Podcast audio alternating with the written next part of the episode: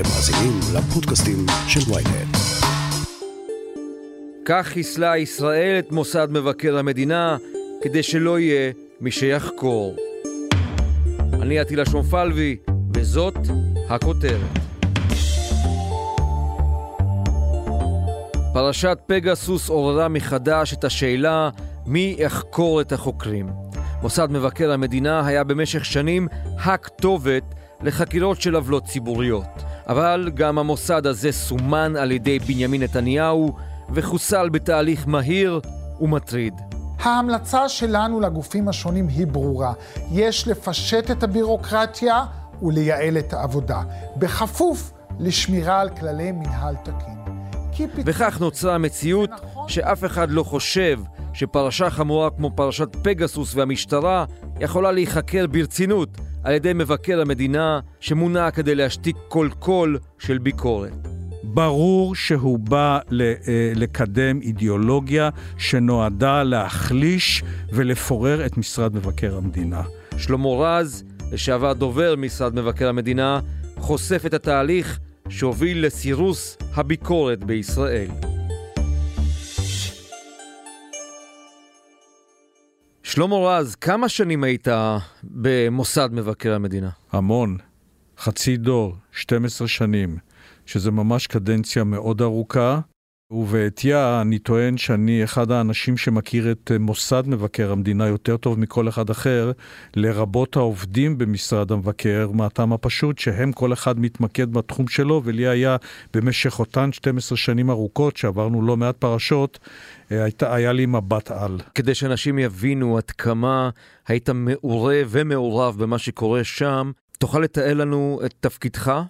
את הייעוץ שנתת שם למבקר המדינה בעצמו? אני למעשה הייתי הדובר הראשון שהגיע למשרד מבקר המדינה אחרי מכרז, שזאת הייתה משרתו וזה היה תפקידו, וזאת כיוון שמבקר המדינה הקודם הקודם, מיכה לינדשטראוס ז"ל, הבין שהשותף הנאמן ביותר של משרד מבקר המדינה זה הציבור, ולכן צריכים לתת תהודה מאוד עוצמתית לדוחות של מבקר המדינה.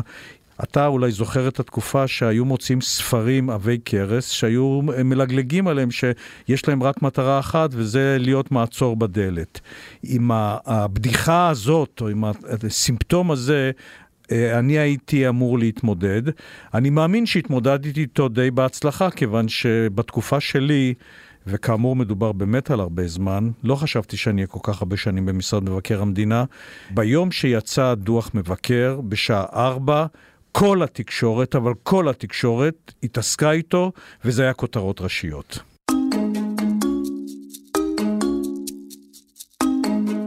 שאם מדובר באישיות שהייתה ראש ממשלת ישראל, ואם מדובר באשמות קשות וחמורות מאוד, הדבר הזה מצריך חקירה מיוחדת. אז היה את לינדן שטראוס ואחרי זה את השופט שפירא.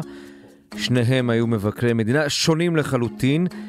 אבל מוסד מבקר המדינה היה מקום שהיית יכול לפנות אליו בלב די שלם, אם הייתה עוולה ציבורית כזו או אחרת.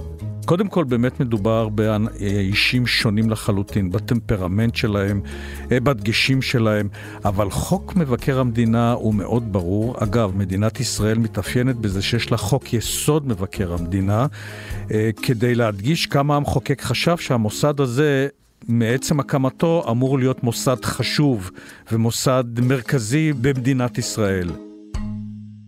כל אחד מהם היה עם אופי אחר, אבל אתה ידעת, כשמשרד מבקר המדינה נכנס לבדוק משהו, כולם מתייצבים ומצביעים. אני יכול להביא דוגמה מה, מהתקופה של, של השופט שפירא, של יוסי שפירא. אה, דוח המעונות למשל. אה, או, זאת דוגמה מאוד אופיינית, או הדוח על בזק, שאופ... שהיה רכיב במה שהתגלגל להיות פרשת 4000 יחד עם הבדיקות של רשות ניירות ערך. אלה דברים שהיו מאוד משמעותיים, שבעצם עיצבו במידה רבה את סדר היום הציבורי. היום המצב הוא בדיוק הפוך. עכשיו, שלא יחשבו שזה כאילו איזה גימיק מה שאני אומר. אני יכול להביא דוגמאות ספציפיות למה המצב של היום, מהרגע שנכנס לתפקיד אה, מתניהו אנגלמן, הוא פשוט אה, גול עצמי או אסון לגבי כל אחד ואחד מאיתנו כאזרחים.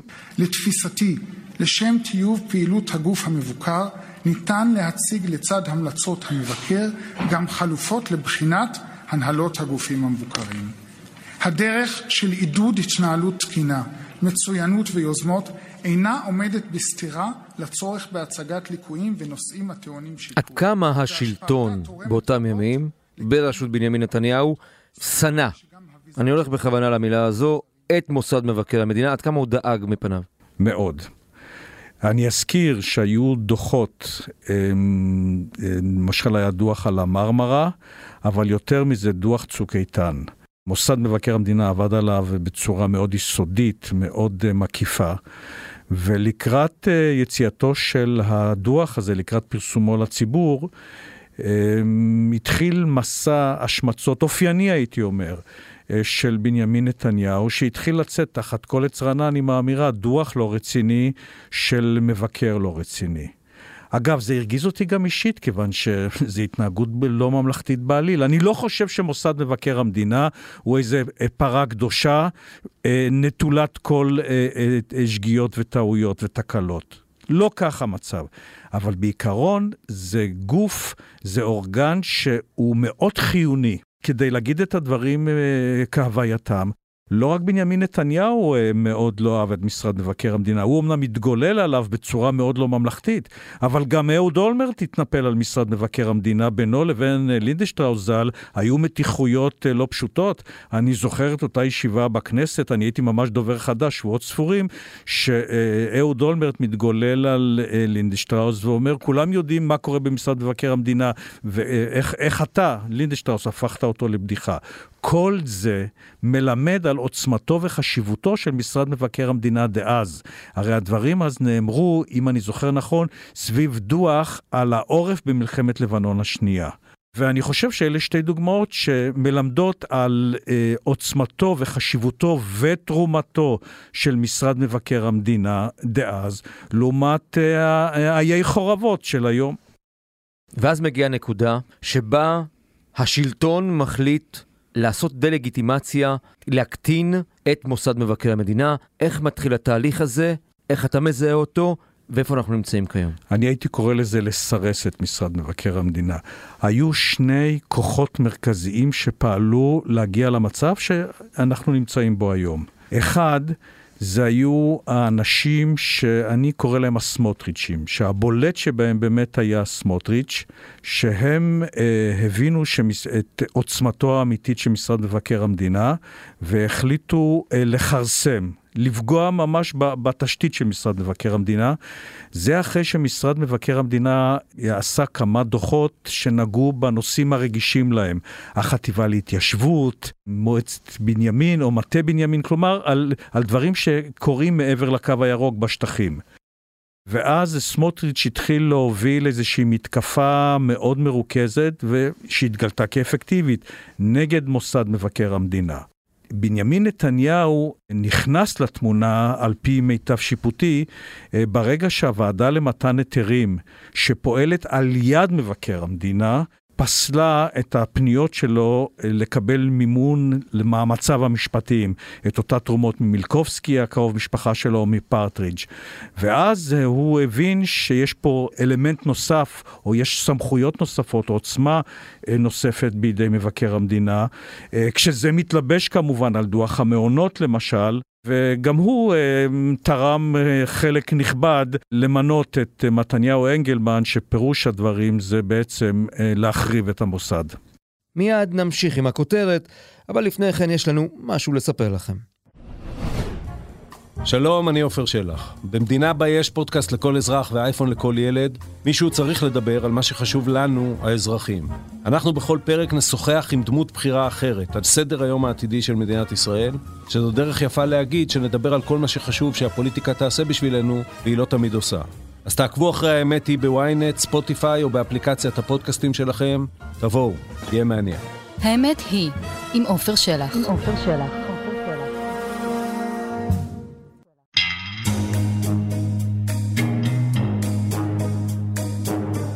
אנחנו מתכנסים כאן כדי לשאול את השאלה למה בעצם ועדת חקירה ממלכתית ולמה אומרים שאין מי שיחקור את החוקרים.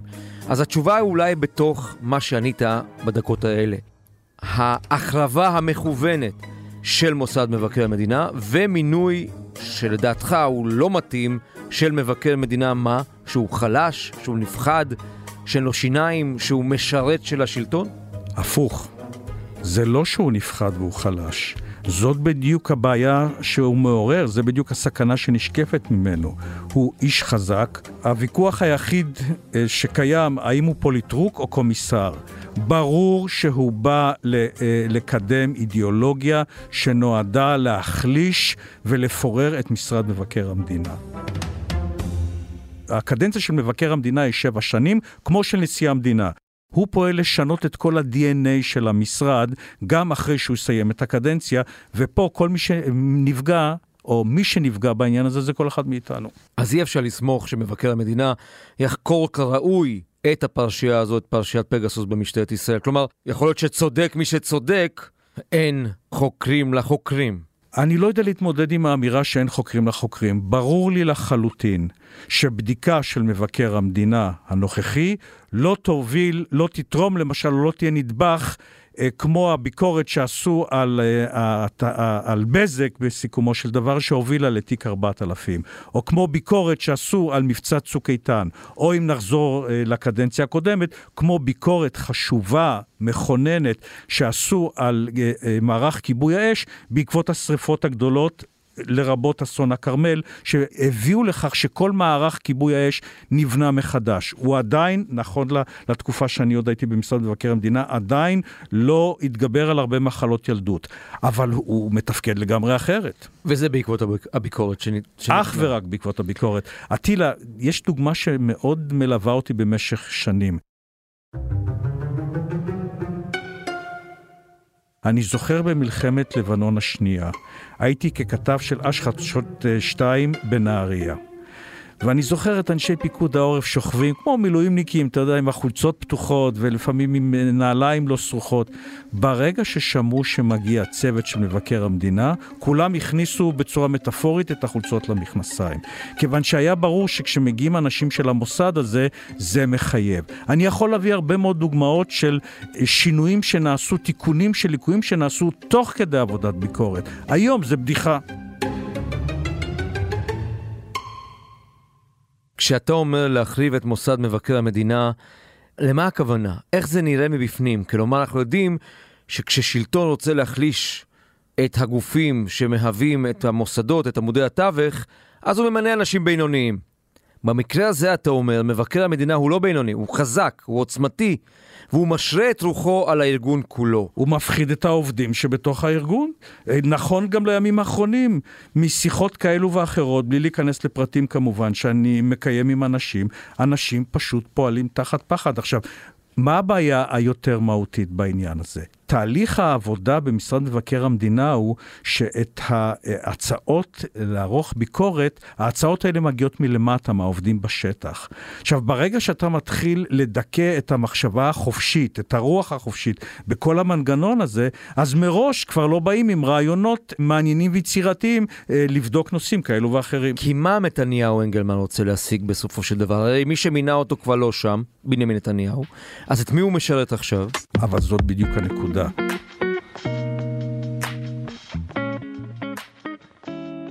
רבים אומרים לי, או אמרו לי, שהנה נתניהו uh, כבר באופוזיציה, אז מתניהו אנגלמן, שהוא uh, מונה בסיכומו של דבר על ידי נתניהו, יכול uh, לפרוס כנפיים. לכן אני אמרתי שהוא בא עם אידיאולוגיה של אלה שכל הזמן מדברים על, במרכאות כפולות ומכופלות, על המשילות. כל אלה שטענו שמשרד מבקר המדינה מפריע להם לתפקד. נקודת הזמן שבה הדברים האלה קיבלו תאוצה, כלומר, מהרגע שסמוטריץ' נכנס אה, לפעילות נמרצת, ברגע שהתברר שמשרד מבקר המדינה בודק נושאים שקשורים בשטחים, זה מה שמאפיין, לפי מיטב הכרתי, את אה, פעילותו של מתניהו אנגלמן. כלומר, הוא עוזב את הנושאים הקרדינליים, מפחיד את האנשים שנמצאים, ולמעשה אל לנו להתפלא אם במדינת ישראל כרגע באמת אין גוף ביקורת רציני שאפשר לסמוך עליו. אתה אומר, אל תלכו לשם בכלל. תמצאו כל דרך רק לא ללכת למבקר המדינה, כי לא יצא משם דוח אני לא אומר אל תלכו, רציני. כיוון שממילא מי שקובע ברוב המקרים זה משרד מבקר המדינה, שהוא קובע מה הוא הולך אה, לבקר. אבל אני אתן לך עוד דוגמה שקיבלה ביטוי בתקשורת רק אה, בזמן האחרון. לגבי תעשיית האמוניה. אה, גור מגידו בדה מרקר הזכיר פתאום חוות דעת של אה, פרקליט מחוז חיפה לדרר, פרקליט מחוז אזרחי. ואז הוא גם מזכיר בשולי הדברים אה, את העובדה שיש בצנרת דוח שקשור בתעשיית האמוניה. אגב, חלק מגיבורי פרשת הצוללות, השם שלהם גם הגיח לגבי תעשיית האמוניה. הדוח הזה, שרובו ככולו נעשה בתקופה עוד שאני הייתי במשרד מבקר המדינה, ואני פרשתי ב-31 באוקטובר 2019. אה, הדוח הזה עד היום לא פורסם. אז זה, מראה לך אה, מה קורה במשרד מבקר המדינה, או זה מאיר איזושהי אלומת אור על הפעילות מאחורי הקלעים, או על מה שלא קורה מאחורי הקלעים. שלמה רז, לסיכום ענייננו, האם היית מציע למדינת ישראל להקים מנגנון חקירתי נוסף, חדש, בלתי תלוי, שיוכל לטפל בנושאים כמו מירון, כמו פגסוס ועוד? בואו טיפה נרחיב לגבי מירון. הרי מה קרה לגבי החקירה במירון, שבסיכומו של דבר הולידה ועדת חקירה ממלכתית? שלום לכולם. בלילה שבין יום חמישי לשישי חוותה מדינת ישראל את אחד האסונות האזרחיים הגדולים בתולדותיה, כאשר 45 חוגגים בקבר הרשב"י במירון מצאו את מותם בנסיבות טרגיות ורבים אחרים נפצעו. ברצוני להביע את תנחומיי למשפחות. אני מזכיר לך שמתניהו אנגלמן כינס מסיבת עיתונאים מיוחדת, אגב, דבר נדיר ביותר, בכל ה-12 שנים שהייתי דובר, אף פעם לא היו מסיבות עיתונאים מהסוג הזה, והודיע שהוא הולך לבדוק. הטענה אז הייתה שהוא בעצם שלוחו של השלטון כדי לנסות ולמנוע הקמת ועדת חקירה ממלכתית. אז הוא יצא עם ההודעה שהוא הולך לבדוק את העניין, אנחנו יודעים שלא קרה עם זה שום דבר. אני מנחש, אני מרשה לעצמי לנחש, שאותו הדבר יקרה עם ההודעה שלו לגבי הרוגלות אה, אה, של עכשיו. אין צורך להקים מנגנון אחר. הדרך הנכונה לפעול הייתה בכלל בכיוון הכנסת.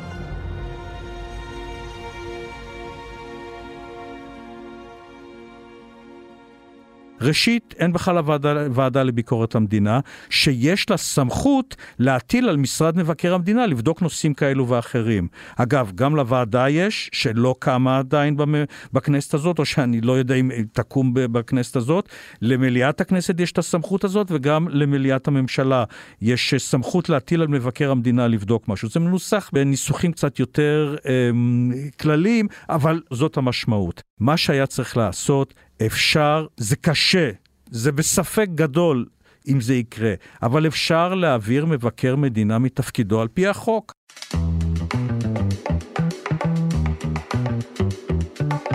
החוק מסדיר את העניין הזה. החוק, כיוון שהוא רצה לשמור על עצמאותו של מבקר המדינה, ולא העלה על דעתו, המחוקק לא העלה על דעתו שיהיה מין מבקר מדינה כזה כמו מתניהו אנגלמן, אז הוא קבע סייגים מאוד משמעותיים כדי uh, להגן על המבקר. אבל לכאורה הבעיה הזאת מתגלגלת לפתחה של הכנסת. אם הכנסת הייתה מתעשתת, היא הייתה מתחילה לפתוח באיזשהו הליך שצריך להתחיל בוועדת הכנסת, כמדומני. אה, עם איקס חתימות כדי לדון בתפקודו של מבקר המדינה, ואולי להגיע למצב נדיר ביותר שימונה או ייבחר מבקר מדינה שזה תפקידו, כלומר לעשות את עבודת הביקורת ולא לסרס את עבודת הביקורת. שלמה רז, מי שהיה דובר מבקר המדינה במשך 12 שנים. תודה רבה. תודה, אטילה. עד כאן הכותרת להפעם. אתם מוזמנים לעקוב אחרינו בוויינט או באפליקציות הפודקאסטים האהובות עליכם. אם אתם בספוטיפיי או באפל פודקאסט, אנא דרגו אותנו בנדיבות. וגם, אל תשכחו לשלוח את הפרק החדש לחבר שעדיין לא שמע את הכותרת של היום. את תגובת משרד מבקר המדינה ניתן למצוא באתר ynet. עורך הפודקאסטים הוא רון טוביה. גיא סלם סייע בעריכת הפרק. דניאל עמוס הפיקה. על הסאונד ניסו עזרן. סיון חילאי גם היא חברה בצוות הכותרת. אני עטילה שומפלבי, נשתמע בפעם הבאה.